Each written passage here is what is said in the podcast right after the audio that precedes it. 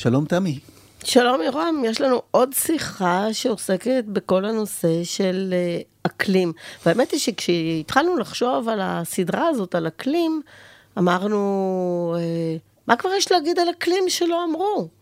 ואז אה, נזכרנו, או בעצם יצא לאור גיליון של כתב העת קריאות ישראליות, שזה גם כתב עת של האוניברסיטה הפתוחה. שעסק כולו באקלים, אבל באמת לא מהכיוונים המאוד מאוד אה, שגורים. אה, והחלטנו בכל אופן להקדיש לכמה מהמאמרים בגיליון הזה גם אה, שיחות שינהירו יותר את הדברים, גם כיוונים אינפורמטיביים על מה כתוב שם, אבל גם להרחיב את זה לכיוונים שונים ולהנגיש את זה גם לאנשים שלא קוראים מאמרים אקדמיים. אה, והאורח שלנו היום הוא? בהחלט, דוקטור אה, רמי קפלן, אה, שהוא מרצה בכיר בחוגים לסוציולוגיה ואנתרופולוגיה ולימודי עבודה באוניברסיטת תל אביב, וגם קולגה שלנו באוניברסיטה הפתוחה. דוקטור קפלן עובד בצומת של סוציולוגיה פוליטית, סוציולוגיה ארגונית וכלכלה פוליטית, ומשתמש בגישות היסטוריות והשוואתיות. שלום רמי. שלום, שלום. אז אתה מדבר על אקלים וגלובליזציה, אז אקלים, אני חושב שרובנו כבר יודעים מה זה, אם כדאי מבלבלים בין אקלים למזג אוויר, אבל ניחא. ובין אקלים לסביבה, שזה... ולגמרי, שזו שיחה אחרת. יש לנו שיחה בשיחה אחרת. נכון, אבל גלובליזציה, בכל זאת, מהי הגלובליזציה הכלכלית? כן, אז אה, גלובליזציה כלכלית זה תהליך שבעצם אה, אה, קיים משחר ההיסטוריה של, פיל, או לא משחר ההיסטוריה, אבל נאמר ממרקו פולו, של, כן, תנועה בינלאומית לאורך, ה, סביב העולם של כלכלה. אבל התהליך הזה הולך ומתעבה. וזה קורה באופן הדרגתי מהמאה ה-19 והמאה ה-20, עלייה של הקפיטליזם. אבל מאז 1990, או בעצם נפילת חומת ברלין ב-1989, אה, וניצחון הקפיטליזם על הקומוניזם הסובייטי, אז יש לנו תהליך מואץ של אה, גלובליזציה כלכלית, שבעצם הדרך לתאר אותו זה אה, כהפיכה של העולם לשוק אחד גדול. כלומר, ביטול המגבלות על מסחר בין מדינתי שחוצה גבולות. אה, ושזה מתאפשר גם באמצעים של, אמצעים טכנולוגיים, אבל גם באמצעים פוליטיים, על ידי, בראש ובראשונה, למשל, אה, אה, הקמת ארגון הסחר העולמי ב-1995, שאוכף את הסדר של השוק החופשי על המסחר בעולם. זה ממש כמו מין מדינה גלובלית כזאת, שאוכפת את הסדר של השוק. אה, אנחנו, אפשר יהיה להשוות את זה אחר כך לשאלה למה לא אכפו את המאבק אה, אה, בשינוי האקלים, זה משהו שדווקא לא נאכף. או בכלל במלחמות, זאת אומרת, הכסף הניע איזה סוג כזה של הסכמה חוצת גבולות על נושא הסחר, אבל בנושא למשל של מניעת מלחמות וכדומה, העולם לא הצליח להגיע, או עשיית צדק בינלאומי. כאן אנחנו מדברים הרבה ביחסים בינלאומיים על, ה, על העובדה שהמערכת היא, היא לא מערכת סמכותנית ואין בכוחן של מדינות מסוימות לכפות על מדינות אחרות להפסיק דברים או כן, כן לעשות דברים. זאת אומרת, זה מעניין שהכסף נכון. הוא יותר מגיע לפתרונות אה, אפקטיביים מאשר יותר אה, נושאים כמו צדק, כמו מניעת אלימות. נכון, אם, אם אה, להגיד את זה במילים קצת אחרות, אז אפשר להגיד שהאליטות העולמיות הצליחו להגיע לקונסנזוס על דבר אחד, וזה קונסנזוס רחב מאוד, כמובן לא, לא מוחלט.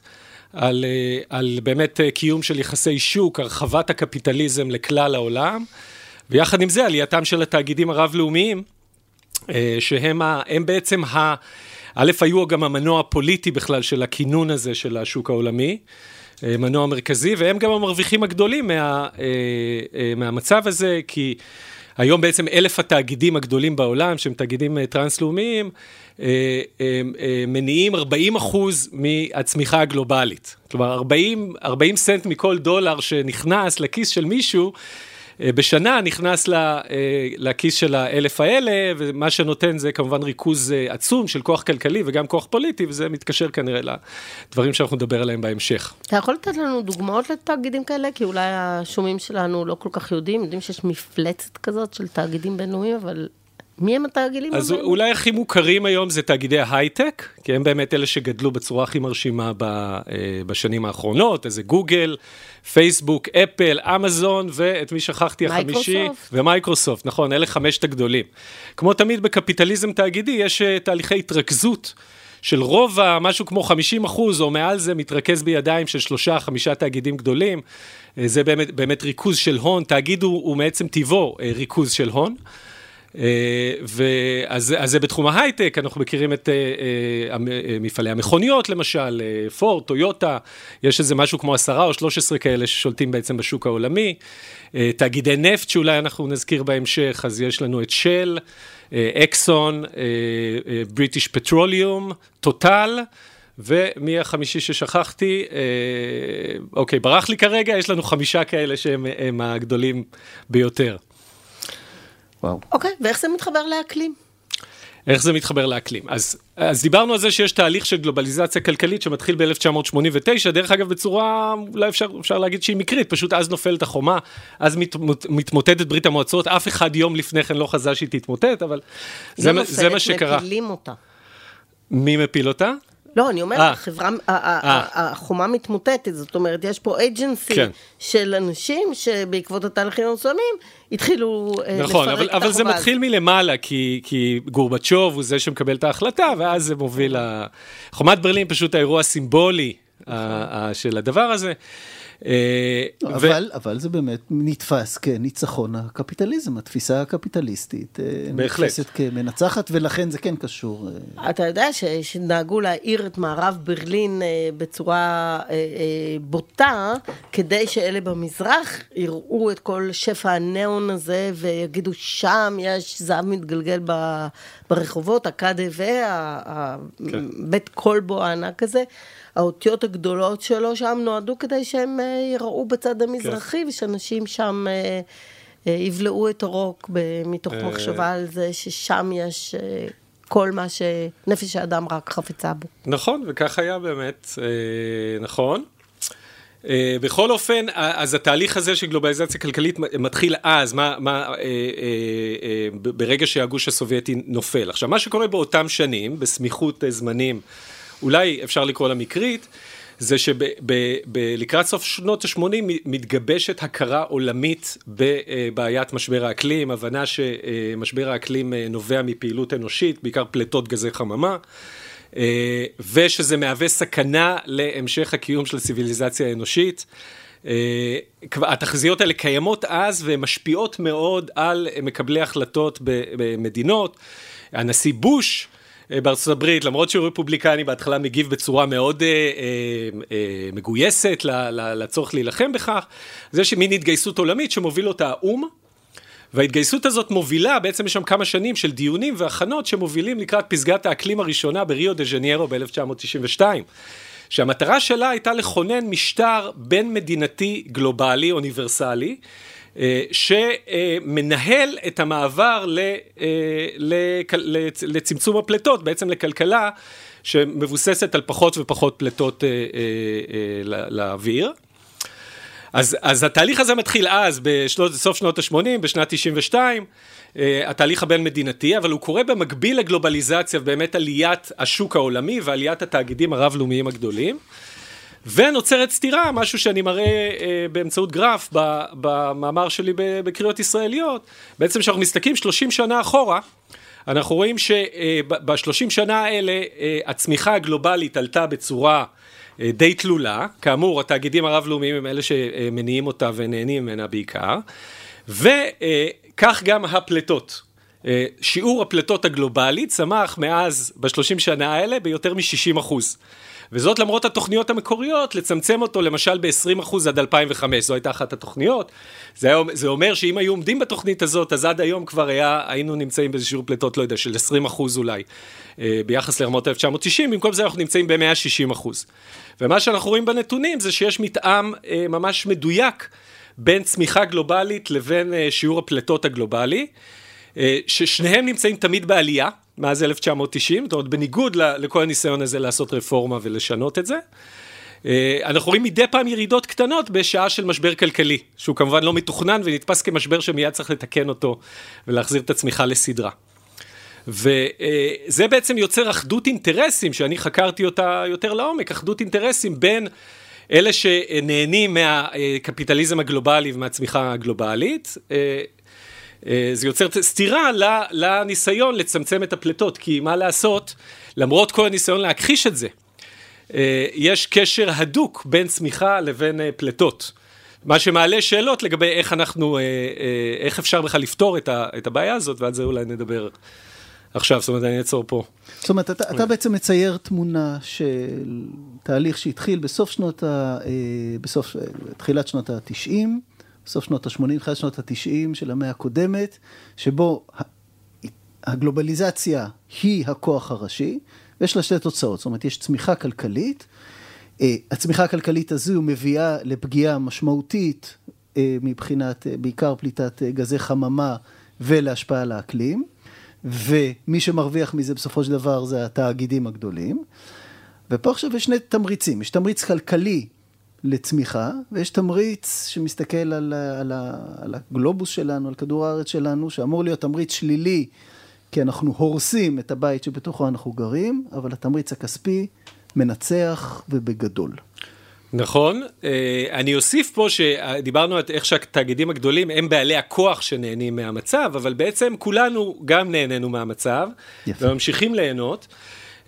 כי, כי באמת הצמיחה הזאת פירושה בעצם שגשוג כלכלי אדיר, היום אנחנו מזמינים מאלי אקספרס משהו נורא בזול, זה בדיוק הגלובליזציה, זה בדיוק מה שהגלובליזציה הכלכלית אפשרה. וניחא אנחנו, גם בעולם השלישי, יש צמיחה של מעמד ביניים משמעותי, יש פחות עוני.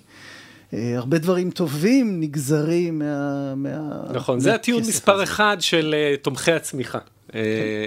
בכך שהם באמת, הם למשל בעצם פותרים בעיות של עוני בעולם השלישי, זה כמובן לא נכון בצורה אוניברסלית.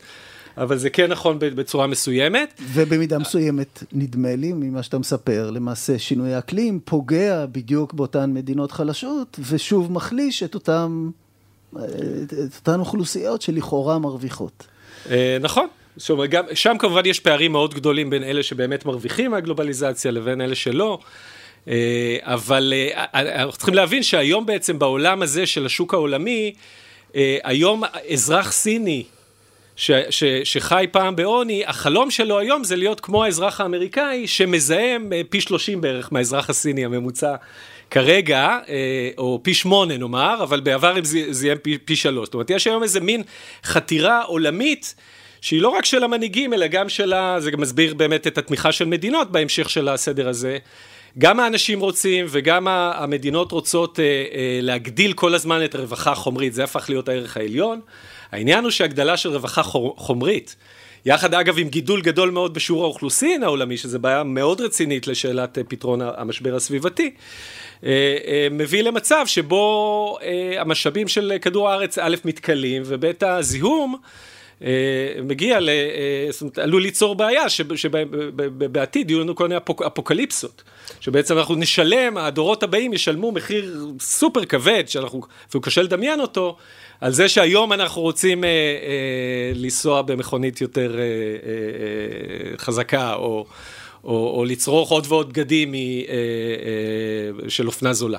אז בואו נחשוב על, אה, ואתה בוודאי תסביר את זה אה, היטב, על אה, הניסיונות לרבע את המעגל הזה, וכאן נכנס אה, מושג הצמיחה הירוקה.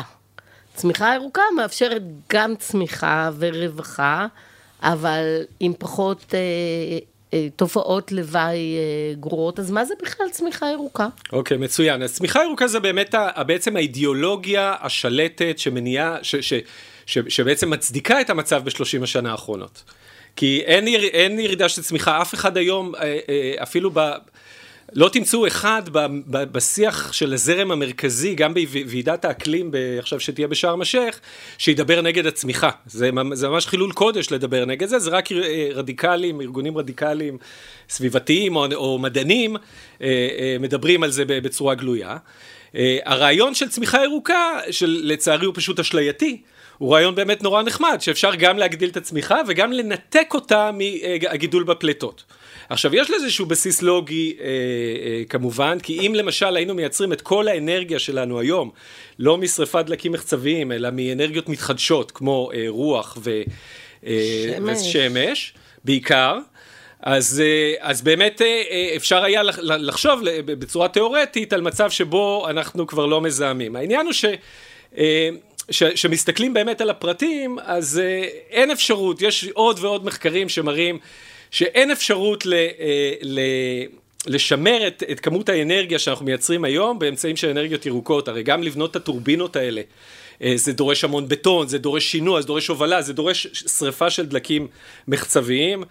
אה, המחצבים שנדרשים בשביל לאגור כאלה כמויות של אנרגיה ולייצר את הלוחות הסולאריים וכולי, הם בעצמם נדירים ויוצרים בעיות של זיהום אה, אחרות. אה, ולכן, אז, אז זה דבר אחד, זאת אומרת, גם, גם ברמה התיאורטית בכלל אין, אין סיכוי לייצר את כל האנרגיה הזאת עם אנרגיות מתחדשות, וגם זה לא יקרה בזמן. זאת אומרת, המעבר כזה, יקרה רק עוד, אה, ייקח לו עשרות, ו, ו, או, או עשרות שנים לפחות אה, בשביל לקרות, גם אם מגייסים את כל המאמצים בשביל לעשות את זה. אז, אז אם צמיחה ירוקה זו אשליה, בואו בוא נעשה זום אאוט עוד קצת יותר. האם יש בכלל, סליחה, אני משער שזה Buzzword, אבל איזשהו פתרון מבוסס שוק, שיכול אה, לרבע את המעגל, כמו שתמי אמר. אז צמיחה ירוקה זה בעצם פתרון מבוסס שוק באיזשהו מובן. אבל יש עוד, זאת אומרת, יש אה, אה, carbon sequestration, לא יודע איך אומרים את זה, כן. קיבוע פחמן. נכון, אז פה אז בואו נזכיר את המילה, את הסיסמה הזאת של net zero by 2050, כן, של להגיע לכלכלה נקייה, אבל נטו, כן, של נטו אפס פליטות ב-2050, אז הנטו הזה מניח הנטו זה גם משהו שהכניסו בעלי הכוח לרעיון, כן? זאת אומרת, בואו לא נחשוב על באמת אה, אה, חיסול הפלטות, אלא חיסול, החיסול שלהם נטו. כלומר שאנחנו ממשיכים לפלוט, אבל גם אנחנו משתמשים במנגנונים של, שכחתי איך קוראים לזה עכשיו בעברית, באנגלית קוראים לזה סאנקס. דברים ששואבים את הפחמן מן האטמוספירה, עצים למשל עושים את זה. אני חושב שזה קיבוע, קיבוע פחמן. קיבוע פחמן זו המילה. אה, אה, העניין הוא שיש עבודה על טכנולוגיות של, של קיבוע של שאיבת פחמן, הבעיה שכרגע אה, הטכנולוגיות האלה לא, עוד לא קרתה פריצת הדרך שמאפשרת באמת לעשות את זה. כרגע זה בגדר ספקולציה ש, ש, שבכלל אפשר יהיה לעשות את זה. ואנחנו רואים שעצים, היה איזשהו רעיון בפסגת מדריד לפני כמה שנים, גם כן זה, זה הכל סיסמאות ויחסי ציבור, נשתול טריליון עצים חדשים. ו, אה, אה, ועל ידי זה אנחנו נשאב את הפחמן, אבל מה שאנחנו רואים שקורה למעשה אה, זה שהאמזונס הולך ונחרט בגלל שיש שם נשיא ש, או מדיניות ש, שבעצם מתעדפת אינטרסים כלכליים על, על שימור היערות. אולי הוא יוחלף עכשיו, יש סיכוי ייתכן. טוב. לולה... שלולה יחזור. יחזור. נקווה שלולה... אולי אתם מאזינים עוד חצי שנה ואתם יודעים את התשובה, כן. בכל אופן, אז... אה, אה, אה, היום יש חשש שבין אלף טריקים אחרים לליצור, אה, בעצם להשהות את השינוי. אה, וליצור אשליה שהשינוי קורה, אז מדברים על הנטו הזה, או לוקחים בחשבון איזשהם טכנולוגיות של קיבוע פחמן, אה, שלא, שבעצם אי אפשר יהיה להסתמך עליהן. אז היום זה מאוד זול לזרוק את זה כרעיון, ולהרגיע את הרוחות, ולהמשיך בעצם ב-business as usual. אוקיי, אוקיי, אז צמיחה ירוקה לא, וקיבוע פחמן לא. אפשר לעשות משהו? אז אה, שאלה טובה, כמובן, אה, האלטרנטיבה, בעצם, אה, אלטרנטיבה לצמיחה ירוקה, או למה שנקרא decoupling, זאת אומרת, הניתוק של צמיחה מפליטה, זה לעשות אנטי צמיחה. זה להקטין את הצמיחה, ועל ידי כך להקטין את הפלטה. יש לדבר הזה שם, הוא נקרא די-גרואות. אוקיי? שזה מין רעיון רדיקלי, שכבר כולם מכירים אותו, אבל הוא, הוא רעיון אה, שבאמת לא נמצא בשוליים היום של המחשבה. באמת קשה לדמיין אותו. איך אנחנו, אה, אה, כלומר, מי, מי שעומד מאחורי, מי שמדבר על הרעיונות האלה, ואני חושב שהם צודקים, אומר שהדרך היחידה באמת למנוע אה, אה, אסון, אה, זה, ל, אה, כמו שאחד מהם מגדיר את זה, זה להגביל את הפרויקט האנושי. אוקיי? אנחנו, מדמה אותנו לאיזה פרויקט, שעכשיו כבר יש לו שבעה מיליארד אה, משתתפים, לגדול ולהתרבות ולנצל את המשאבים. אה, אנחנו צריכים להג, להגביל את זה גם מבחינת הגבלה של ילודה, וגם מבחינת הגבלה של, אה, של שימוש באנרגיה, אה, או פעילויות בחושך. מזהמות. סליחה? לשבת בחושך, בלי אה, ילדים. כשאת לא, מציגה את זה ככה, זה נשמע ממש גרוע. אני, אני גם לא איזה דובר של, ה, של הרעיונות האלה. אה, מעניין להזכיר בהקשר הזה את מה שקורה היום באירופה על רקע המשבר באוקראינה, שיש את השאלה איך אנחנו נחמם את הבתים בחורף הקרוב, שאלה כבדת משקל כמובן עבור אנשים רבים. מדינות, המדינות אין פלא שהן מתאמצות לעשות כל מה שצריך, כולל להחזיר שימוש בפחם למשל, כדלק מזהם. אה, דלק מזהם מאוד בגרמניה, חוזרים עכשיו לזהם אה, כפליים רק כדי להבטיח את החימום הזה בחורף. אז מה, ש, אני לא אגיד שלא צריך לחמם את הבתים של, ה, של, של אנשים, אה, אבל אגב, אני הם, כן הם לא- אגיד... לא, בגרמניה למשל הם לא מקררים בכלל, אין, אין בבתים מזגנים, ובעקבות משבר האקלים יש שם לפעמים... עד 40 מעלות ואין להם שום אמצעי קירור בשום מקום. אז הם אה, ימסו בקיץ ויקפאו בחורף, זה נראה לי... אה, נכון. אה, מבחינה פוליטית יכולות להיות לזה השלכות מרחיקות לכת. קודם, יש לנו שיחה שעוסקת בבריאות הציבור, אין ספק שזה יכול בהחלט להעלות את התמותה, לפגוע יותר באנשים כמובן. עניים לעומת אנשים עשירים. בקיצור, אנחנו... אתה עוד לא מציע לנו כאן אה, איזשהו פתרון אה, שהוא ישים גם. וגם, אה, אם אתה יכול להתייחס שנייה לשאלה, כמה אנחנו כיחידים בכלל, זה משנה מה אנחנו עושים אל מול התאגידים הגדולים האלה. זאת אומרת, לאסוף את הבקבוקים ולשים אותם במחזורית שאין, או שזה, שוב, מאכילים אותנו באיזושהי אה, כן, תפיסה ש... לכאורית שאנחנו יכולים לעשות משהו. כן, שאלה מצוינת. אה, אני כן, כן בעד להמשיך למחזר את הבקבוקים. אה, אני רק אז, אזכיר פה שראיתי ככה אה, תרשים נחמד שמראה איך אנחנו יכולים לחסוך אנרגיה ברמה האישית, אז אם אנחנו נשתמש בנורות חסכוניות או ניסע במכונית היברידית, זה יעשה איזושהי תרומה באמת להפחתת זיהום. אם לא נביא ילד, אז זה, זה יפחית את הזיהום מהמונים. בישראל אתה אומר דבר אה, שכזה? כן, כמובן שזה, אני שמח שאני יכול להגיד מה שאני רוצה פה בפודקאסט הזה. בינתיים. אז אה, כן, אני, מבחינה פוליטית, אגב, בישראל, אף אחד לא העז אי פעם לדבר על זה, פרט לפרופסור אלון טל. אלון טל. כן. שהיה, אה, שהוא מה, מהפקולטה שלי, שהיה בה חבר כנסת עכשיו במשך שנה, ו, והוא איש, איש איכות הסביבה, והוא, והוא הראשון שבעצם הזכיר את זה ברמה הזאת. בכל אופן, אה, זה, זה פשוט מעלה שאלות קשות, אני אזכיר פה את המטאפורה של, אה, של אה, ספינת חלל כדור הארץ, Spaceship Earth, mm-hmm. זה רעיון שחשבו עליו כבר בשנות ה-60. שבעצם אומר, אנחנו צריכים רגע לדמות את עצמנו אה, כמי שיושבים בספינת חלל, מוקפים ב, בעצם בסביבה עוינת. אם הספינה לא תתפקד, אנחנו, הלך עלינו. אה, וזה לשנות אה, גישה, וזה גם, גם מה שמבהיר את החשיבות של פעולה בין מדינתית מתואמת כדי uh, לקבל החלטות בצורה דמוקרטית, uh, אבל החלטות שיכולות להיות החלטות קשות לגבי, uh, לגבי עתיד הציוויליזציה. כי אחרת, וזה איזה מין פרספקטיבה, אנחנו, כשאנחנו חושבים על הנושאים האלה של אקלים, אנחנו צריכים לחשוב בפרספקטיבה של, של המין האנושי, של פרספקטיבה ארוכת טווח. אנחנו פה כמין נמצאים, הדינוזאורים היו 100 מיליון שנה על כדור הארץ שבסוף נכחדו, אנחנו נמצאים כמין אולי מיליון שנה. ובמאתיים שנה האחרונות אנחנו שינינו את הכל, עברנו לעידן האנתרופוק, האנתרופוקן, שבו האדם בעצם משנה את, ה, את הגורל הפיזי של כדור הארץ, אה, ואנחנו עכשיו באיזה מין חגיגה. אה, של אה, בואו בוא ונגדיל כל הזמן את החגיגה, וזו גם, גם באמת האידיאולוגיה השלטת, אבל החגיגה הזאת תיגמר כך או אחרת די מהר, וכשאני אומר מהר אני מדבר על 100 או 200 שנה, הדלקים המחצבים ממילא יסתיימו באיזשהו שלב. ממילא צריך יהיה לעבור לאיזו צורה חדשה של קיום.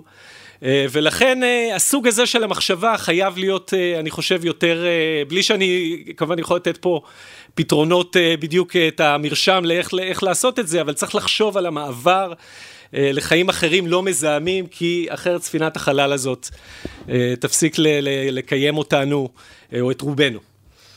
נראה לי שזו נקודה טובה לסיים את השיחה, כי הייתה לזה איזושהי נימה אופטימית, אה, לעומת ההתחלה שהייתה די אה, מדכדכת. אבל אני חושבת שבסופו של דבר, החוט המקשר בין השיחות שיש לנו בהקשר הזה, זה לא שאין פתרונות, אלא השאלה, מהם הכוחות הכלכליים והנפשיים והספציפיים לעומת האוניברסליים, שלמעשה מונעים מאיתנו באמת להפוך את הפתרונות האלה לנושא המרכזי אה, בשיח הפוליטי, כי רק משם פתרונות כאלה יכולים לבוא. כמובן גם בהתנהגות האישית שלנו, שאולי באמת תורמת אה, כמעט ולא כלום, אבל אה, כאשר אנחנו מסתכלים על הצבר הכללי, ייתכן שאפשר להזיז קצת את המחוג לפני שיהיה מאוחר מדי. תודה רבה, עמיתנו דוקטור עמי קפלן. תודה רבה לכם. תודה רבה.